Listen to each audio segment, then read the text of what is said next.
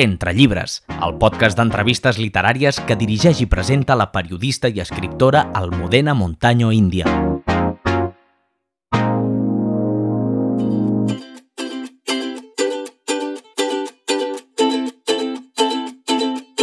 La convidada d'avui és l'Empar Moliner, escriptora i periodista. Parlarem de la seva darrera novel·la, Benvolguda, Premi Ramon Llull, que va ser el llibre de ficció més venut en català, La darrera deiada de Sant Jordi. Amb l'Empar Moliner conversarem sobre els seus llibres i la seva passió per escriure, llegir, córrer i per tastar vins. Ens aproparem a la seva obra amb una lectura d'un fragment de la seva darrera novel·la, que ha triat ella mateixa. A l'Empar Moliner li agrada anar per la vida amb una llibreta per prendre notes de possibles arguments. També utilitza altres tècniques literàries que ens comentarà al taller d'escriptura. I com a lectora empedreïda, ens recomanarà dos llibres molt interessants. Preparats? Doncs obriu bé les orelles que comença l'entrevista. L'entrevista.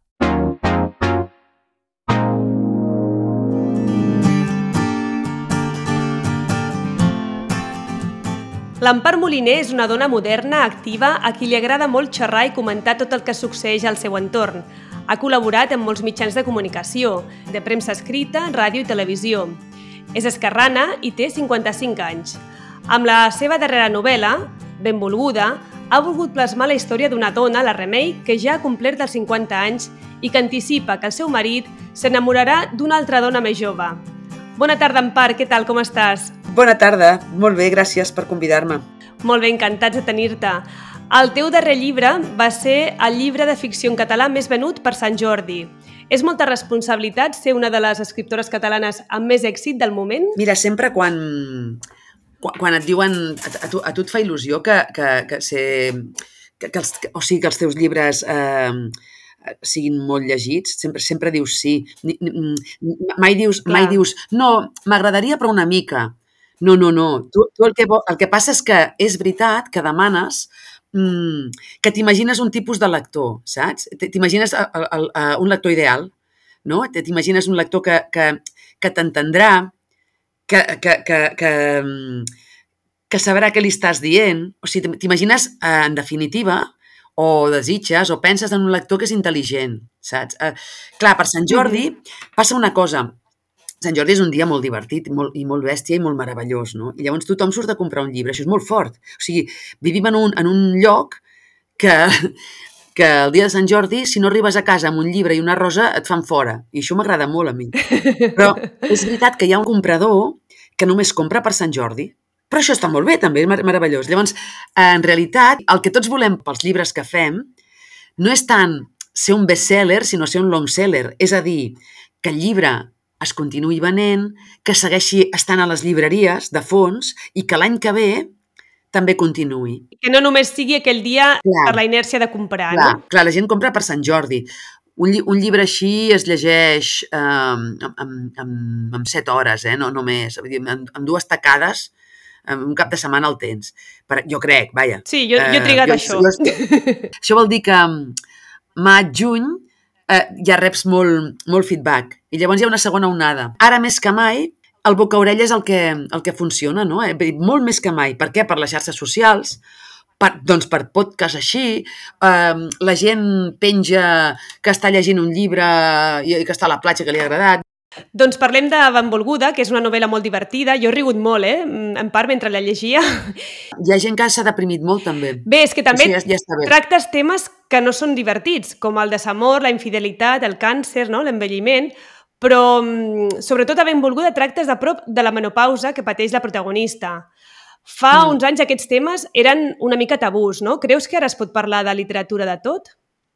Mira, totalment veritat. És a dir, Eh, de, la, la menopausa és un període de, de la vida de les dones que no ha sigut literatura fins ara. És a dir, és, llibres sobre eh, els, els 10 aliments que has de menjar durant la menopausa, 200.000, saps? Sí. Però jo estic dient literatura. Literatura no. És normal que, jo ja entenc, si penso Víctor Català, Mercè Rodoreda, eh, Ramon Llull, segur que tenien altres eh, eh prioritats al cap, no? Eh, per escriure. Però mm, jo vaig pensar que explicar això era literari. I ho vaig voler fer. I, i estic segura que, que, que n'hi haurà més després de llibres. Vaig creure que era el moment, de, de, que, que era un literari. I llavors, és veritat que molta gent et pot dir ostres, però aquest tema tan femení, vols dir que interessarà a lectors eh, homes o a lectores joves o a lectors joves? Llavors, a, aquesta pregunta m'agrada contestar-la, perquè bé que hem llegit eh, novel·les, jo almenys, meravelloses del Philip Roth, que parla de declivis sexuals masculins. I jo les he llegit i sóc una dona. És a dir, a, a mi moltes vegades em, em, em ve algú i em diu que m'identificaré amb, amb, el, amb el llibre. I, i, I jo li dic, ostres, Potser... però que no has llegit Moby Dick. Clar. Moby Dick què? I, i, I la metamorfosi, que és un senyor que es torna escarbat. Tu, és a dir, no t'has d'identificar. No t'has d'identificar. Què has de fer? Acompanyar aquest personatge protagonista Observar-lo, no cal ser ell mateix, clar. Acompanyar-lo, i, i, i, i perquè a més a més és una primera persona. Com que és una primera persona, el lector està molt a sota, molt al costat, saps? En, en una primera persona, el que té de bo és que el lector està molt al costat del, del personatge, molt, sí, molt. Sí. Uh, però no, tu, tu, és a dir, ni jo que sóc l'autora penso que la protagonista aquesta fa tot el que jo faria, ni que tothom s'hi hagi d'identificar. No, no, jo només he volgut explicar una història que a mi em sembla trista. Però, com totes les històries tristes, té moments divertits. De la manera que ho expliques, les anècdotes són molt divertides. I el que m'ha sorprès més, eh, en part, és el final de la novel·la. Ja. Perquè no és el típic final feliç, però que a més d'un li agradaria trobar-s'hi, no? El final és controvertit. Sí, molt. Explica una mica com se't va acudir al finalitzar així el llibre. Jo sabia que el final seria complicat perquè no és un final aspiracional no és un final on la protagonista se'n surt, que això és el que, el que demana sempre ara eh, el lector ocasional. L'habitual no, eh, però l'ocasional sí. Faran probablement una pel·lícula de, de la, del llibre aquest. Ah, molt bé. Hem comprat els drets. I vam fer una reunió, eh, això, que això que es fa, fan una reunió i et pregunten com ho veus i tot això, i jo vaig pensar, ara, ara, ara, ara m'ho diran, ara m'ho diran. I, i, als, als 10 minuts em surt una, una, una de les persones que estaven allà i em diu, bueno, del final no hauríem de parlar, eh? Per això vaig pensar, ja, ja m'ho esperava. Bueno. Què vol dir? Que potser el faran canviar? No ho sé. Jo els hi recomanaria que no, però si tu dones els drets, no, no pots després queixar-te, suposo. I quan la podrem veure, la pel·lícula? No, no, no, ni, ni idea, perquè estan, ara han, compra, han fet una reserva de compra de drets. No, no sé com va això. I anaven dient, a qui ens imaginem? Qui no sé què? Mm. Clar, han de buscar els personatges... Estan buscant uh, una directora, perquè volien una directora, ja em sembla molt bé. Perfecte. No sé, veurem, veurem. És que veurem. també una cosa que em sobta molt és que eh, descrius molt els sentiments dels personatges, però no com, com són ells um, físicament. Saps? Llavors, poc. Molt poquet, sí. Poc, poc. Però mira, eh, jo em dono compte que eh, en les novel·les, tot sovint, el lector, si, si potser et coneix té, té la teva cara vista o ha llegit altres llibres teus, encara que tu facis una descripció, i per exemple, i això m'ha passat mil vegades, eh, jo puc descriure, en, en una anterior novel·la, vaig escriure una protagonista que tenia els cabells arrissats, molt pit, eh, eh, una dona com, com molt voluptuosa, i igualment la seva imatge mental em, em, em, em posava a mi. Perquè, per, no, o sigui, això passa molt. Perquè acostumem a relacionar l'autor amb el personatge principal. És supernormal, i més amb una primera persona, ho fem tots, és que, és que no li pots demanar a ningú mm -hmm. que no ho faci. Però el, el, el físic, jo crec que, per exemple, el personatge protagonista masculí, com que té aquesta analogia, ja es veu molt clar com deu ser, perquè mm -hmm. la, la protagonista relaciona els personatges amb, amb, obres d'art, etc. I ella es descriu a si mateixa com una dona atractiva, no sé què, els cabells, etc, el pes, però no molt més. També així és la manera de que la gent es faci la seva imatge mental, no? Sí, clar, això, això passa, però, però te la fas sempre, uh -huh. eh? això és bestial. Eh? Sempre passa, eh? que després un cop veus la pel·lícula la, canvia molt no? la, la referència que tens. Sí, sí, sí. sí, sí. doncs, en part, a banda de la teva faceta d'escriptora, fa anys que col·labores amb molts mitjans de comunicació. On et podem trobar aquesta nova temporada? A Catalunya Ràdio, cada migdia, i després a la Melero faré una coseta, que, de, de vins, uh, però només una coseta. I però espero, eh, espero poder aquesta temporada fer finalment eh, un programa de llibres que m'enrotllaria molt. Sempre, sempre, sempre ho espero. Mai passa, però sempre ho espero. Amb, amb, amb col·legues escriptors m'agradaria fer-lo. A la ràdio? A la tele m'agradaria. Però bueno, a la ràdio Ah, no m'agradaria. Eh? M'agradaria, m'agradaria, però bueno. Ah, perfecte. Doncs ja ens molt, avisaràs. però ja, ja veurem. I ja està, eh? Molt bé. déu nhi no? Sí, sí, sí, sí. sí. Bé, i les teves columnes, no? O no, Sí, no continuaran? Ja, sí, sí, sí, ja, ja, ja les estic fent. De fet, i estic escrivint una cosa que m'està agradant molt, que és una ficció que, que, que res, estic enrotlladíssima, enrotlladíssima amb això. Que ja... Un llibre nou? No, no, no és, és, és, una, és, una, una, és una ficció... Mm, és una ficció sonora, diguéssim. M'ho estic passant Mm. bomba, bomba, bomba, bomba. Ah. Però bueno, ja veurem. A veure com, a veure com surt. De moment m'ho estic passant molt bé. Escriure és Molt bé, tan molt bé. divertit, no? molt bé. He llegit que vas abandonar els estudis de batxillerat per dedicar-te al teatre, no? Re, passava un, un grup de saltimbanquis pel meu poble i me'n vaig anar amb ells. Va ser així. Ah! I també de, David Selva es va portar al teatre la teva obra, no? Sí. T'estimo si he begut. He begut amb l'Ester de teatre i de Goll de Gom. Va ser, va ser xulíssim, això. Va ser molt xulo, molt xulo. I com ha sigut més el teu pas pels escenaris, pel teatre? Tens més projectes teatrals? Quan, quan vam acabar d'Estimo si he begut, vaig pensar, ostres, hem de fer un musical, tios, hem de fer un musical. Suposo que és molt car. Però jo, amb, amb el David i l'Ester, jo els deia, ostres, ara us hauria de fer alguna cosa es, expressament. I vaig, vaig com... Tinc una cosa començada, però, però suposo que per fer una cosa així necessites 200 patrocinadors. Molt bé. Doncs has guanyat molts premis literaris al Ramon Llull, no? aquest any amb Benvolguda. Sí. El Premi Mercè Rodoreda l'any 2015, sí. amb tot això ho faig perquè Sí, sí, tinc sí, molta sí. sort, que és un recull de contes. El Premi Lletra d'Or l'any 2005 pel recull de relats T'estimo si he begut i també el Premi Josep Pla l'any 2000 per Feli Esteticient. Creus que és més fàcil que donin premis literaris a persones conegudes? Mm, en teoria, quan et donen un premi literari, i, i això ha de ser així, eh? Ha de ser així. Quan et donen un... Quan, quan tu, eh, és a dir, tu, tu guanyes un premi literari com, com aquest, no? I la crítica t'espera amb els ganivets preparats per, per clavar-te el cical, com ha de ser, eh? Perquè, perquè tothom s'ha de preguntar, si et donen un premi s'ha de preguntar què se'l mereix? Mira, en el meu cas, m'han fet les crítiques més bones de la meva carrera. De, eh, Estàs de- contenta, no? molt, molt, molt, perquè tots volem això, eh? Llavors, el premi, un dels membres del jurat em va dir, a la pàgina 2, jo sabia qui eres tu, però vaig pensar, si no ets tu, qui sigui no pot guanyar, em va dir. Llavors, Oh! clar, perquè vol, vol, dir a lo millor que... que però llavors vaig, com dient, eh, és un estil que, Molt característic, no, el teu? en tot cas, eh, mm, quan un guanya un premi, algú ha de dir això està bé o això és una merda. I s'ha de dir, s'ha de poder dir, s'ha de poder dir. Perquè els crítics, normalment... A més a més, quan totes les crítiques van... Totes les crítiques solen anar a una, gairebé sempre. -hmm. Si són molt dolentes o són molt bones, vol dir que alguna cosa passa, no? Vull dir que, que, que tots van a una. Bé, sempre hi ha la diferent, eh? Però vaja. En general coincideixen. Uh, parlem d'un altre tema. El teu llibre De què jugues, qui et persegueix, parles d'una de les teves passions, que és córrer, Ah, sí. i tu que sembles una persona molt ocupada, quin missatge podries enviar a tota aquella gent que diu que no practica esport perquè no té temps? Ostres, i a mi l'esport em salva la vida. A mi Molt, també. molt.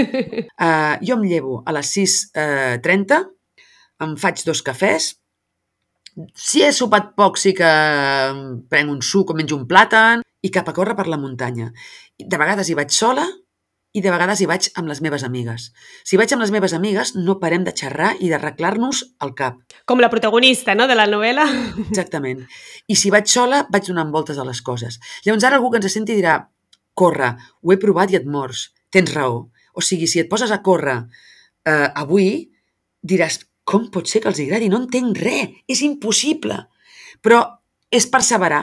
O sigui, córrer és com, com escriure, com aprendre un idioma. O sigui, tu has de perseverar, hi ha un moment que no entens res i de mica en mica, comptant cada dia temps, perseverant, ho fas. És a dir, córrer és l'únic esport que si tu t'entrenes, faràs la marató, la faràs. amb més temps o menys, però la faràs. I aquesta és la qüestió, no? Llavors, quan, quan jo arribo de, de córrer, arribo que sembla que m'hagi fumat unes herbes. Arribo, arribo feliç, em dutxo i, i, i, i, i, i donaria gràcies a la vida per la dutxa. Allà on s'obre l'ordinador, s'està fent de dia. I dic, ostres, i ara a escriure. I, I és el, el millor moment del dia, ja, no? I és superproductiu. Molt productiu, molt, molt, molt, molt, molt. Una altra de les teves passions és el vi. Sí. Faig sempre un podcast a Catalunya Ràdio. Aquesta temporada continues, no, amb sí, aquest sí, sí, sí, sí. podcast? Encara no ha començat i començarà un dia d'aquests. I m'agrada molt, perquè a mi a mi m'encanta el vi, i eh, m'agrada molt, i tota la gent que em fa a, a, em semblen admirables, sigui, els, els hi tinc una enveja, i m'agraden, i m'agrada ser amiga d'ells, i m'agrada anar a veure els seus cellers i les seves vinyes. I per aquest podcast, com que, com que he entrevistat a tot de gent... O sigui, si fos un, un podcast de llibres, hauria vingut pel, pel, pel, pel podcast, doncs jo que sé, eh, el, el Kazuo Ishiguro, la Ian McEwan, el, el, o sigui, els grans, els grans del món, saps? Perquè han vingut els grans del món del vi. Mm -hmm. Estic contenta, m'ho passo bé. Doncs què et sembla si mostrem als oients com escrius? Sí. Ho farem amb la lectura dramatitzada del fragment que has triat tu del teu darrer llibre, Benvolguda. Vale. Doncs abans de... Vols que et digui una cosa abans? Sí. Vale. En aquesta primera pàgina eh, hi ha una paraula que surt de registre. Està feta amb tota la intenció. I vaig pensar, ara agafaré i a la primera pàgina... El, el, el, és a dir, el, el llenguatge de, de, del llibre, com que és una primera persona, no et pots passar de, de refistolat, però a mi tampoc no m'agrada passar-me de col·loquial gens. Llavors, he, he, he fet un terme mig, és, és a dir, les paraules so, són les que han de ser.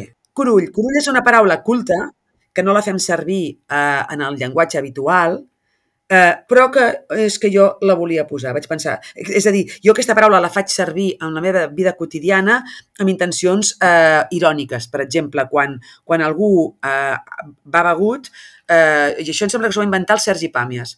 Eh, deu, ser del, del Pàmies o del Monzó, aquesta, aquesta accepció inventada, que és quan algú va begut, dius, mira, va curull. Però curull de relleno, en castellà, o, o lleno hasta los bordes, doncs en català és un registre culte, culte. Però jo vaig pensar, la poso i s'ha acabat el rotllo perquè em fa... Vale, ara ja pots. doncs anem a escoltar-lo. La veu del llibre.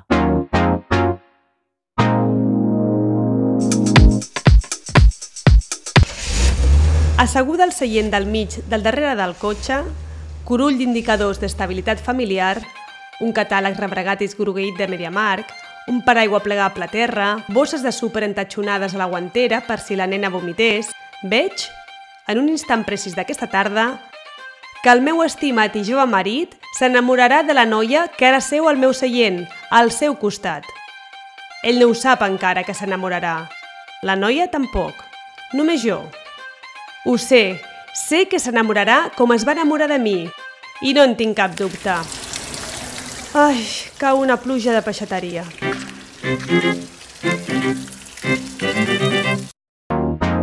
Novetats literàries.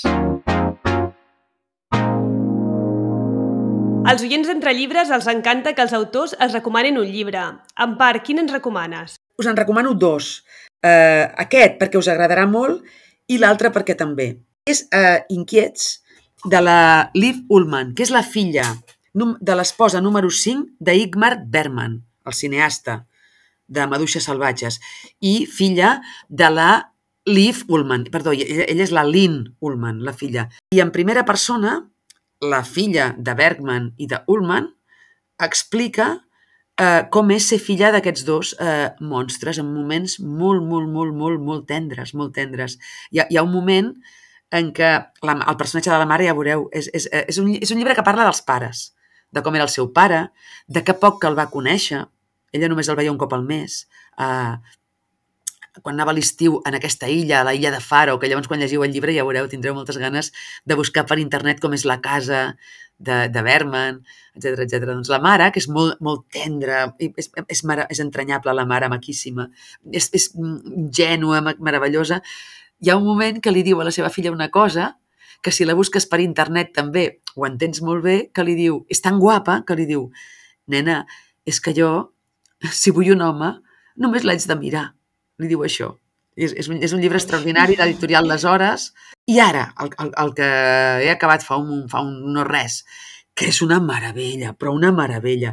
És el llibre últim de... Una, jo l'admiro molt, aquest escriptor, ho tinc tot d'ell i sempre l'he seguit des del seu primer llibre, als 24 anys, fins ara, que en té 70, que és el Martin Amis. El Martin Amis va guanyar el Somerset Maugham amb, amb 24 anys amb, el, amb un llibre que es diu El llibre de Raquel, de Rachel's Papers en anglès, i ha fet contes, poquets, extraordinaris, eh, la seva gran obra que el va catapultar, que és Dinero, anagrama, tot això és anagrama, i els últims estan anagrama en català també.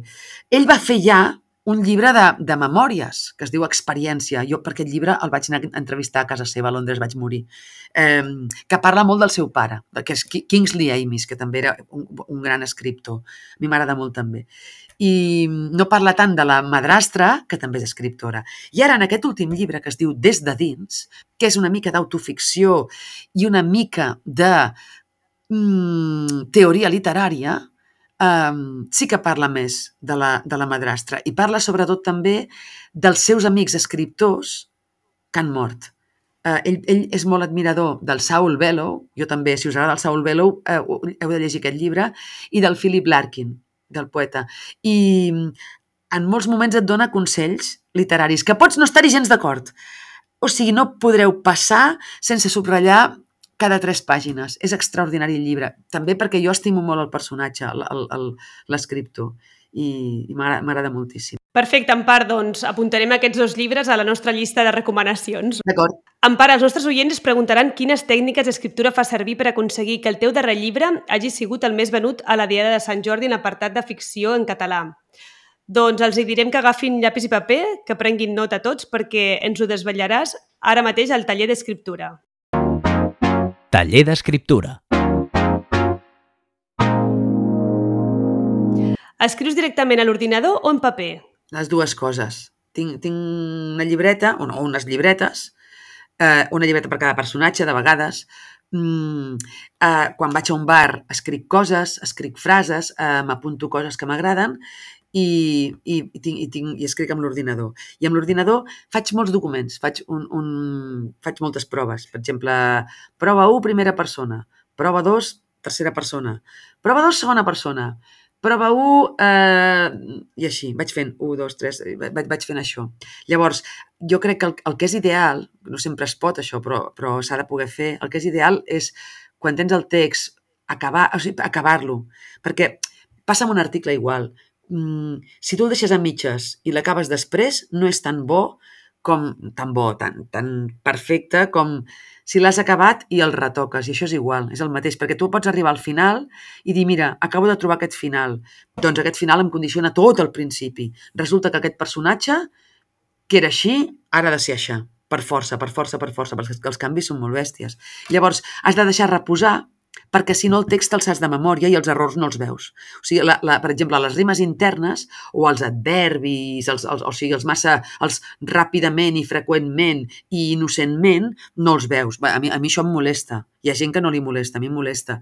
O segons quin adjectiu que no t'agrada, o segons quin, di quin diàleg que no et sembla natural, tot això. S'ha d'anar repassant i, per tant, deixant reposar. A quina hora del dia escrius? Quan tinc una cosa al cap, com ara, diguéssim que a totes, al, al matí, però ara, ara quan, quan ho deixem, seguiré escrivint també.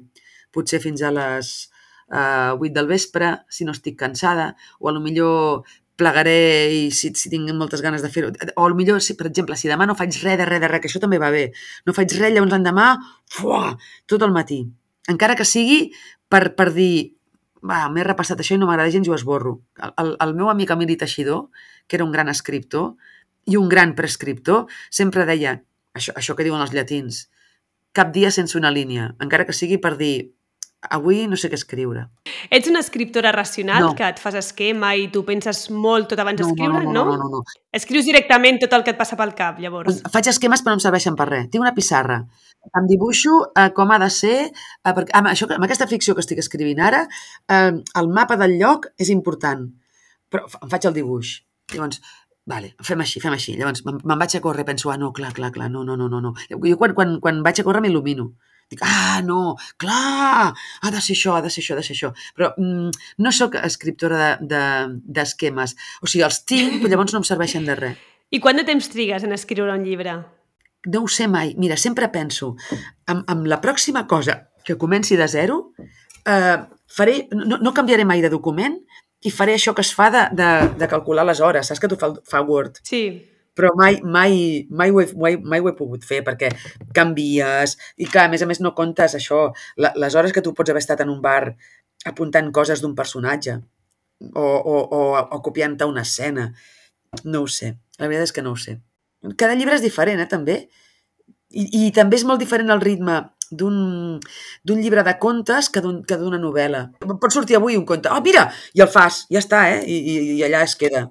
I quantes vegades llegeixes el que has escrit fins a aconseguir la versió definitiva? Masses, masses, masses. I igualment, mmm, la nit abans que vagi a impremta, segur que et despertaràs pensant, això estava ben escrit o no? I, i, i, i sempre se n'escapa una, eh? Sempre, sempre, sempre, sempre. Però bueno, ja, ja, es va, ja es va corregint. Qui llegeix els teus textos abans de publicar-los? Em costa molt, em costa molt donar els textos, molt, molt, molt, molt, em costa molt. I em costa molt explicar de què aniran. I, i, però la meva editora, la, clar, la, la, la meva editora ho ha, de, ho, ha de, ho ha de llegir. Llavors ella ve amb els pòstits, sempre, i amb un xampany i, i, i amb els pòstits anem parlant, no sé què, i això, i això altre. Llavors, mm, és, és un moment molt divertit de, de, de l'edició, és potser el més divertit igual que la correcció d'estil, el moment de dir, a veure, com ho voldràs això? Com vols els pronoms? Eh, simplificats o no? Simplificats. Vols un donar-li-ho o vols un donar-li? Bueno, donar-li, amb, amb, amb apòstrof. Vale, va, i això és molt bonic, molt bonic. En què t'inspires per crear l'argument de les teves novel·les? En el meu voltant, sempre. Tot el que veig al meu voltant, m'ho copio. Tota la gent que conec, la que veig, jo sóc una copiona alguns personatges de les teves obres són autobiogràfics o estan basats en personatges reals? Tots i cap. Des del principi de, de publicar, l'any 99, tothom em deia aquesta és casa meva, no? I, I jo els deia, però també és casa meva. O aquest sóc jo, i deia, però també sóc jo. Mm. Jo crec que si tu et poses de focus, hi guanyes. Però tot és ficció, clar. On has après a escriure?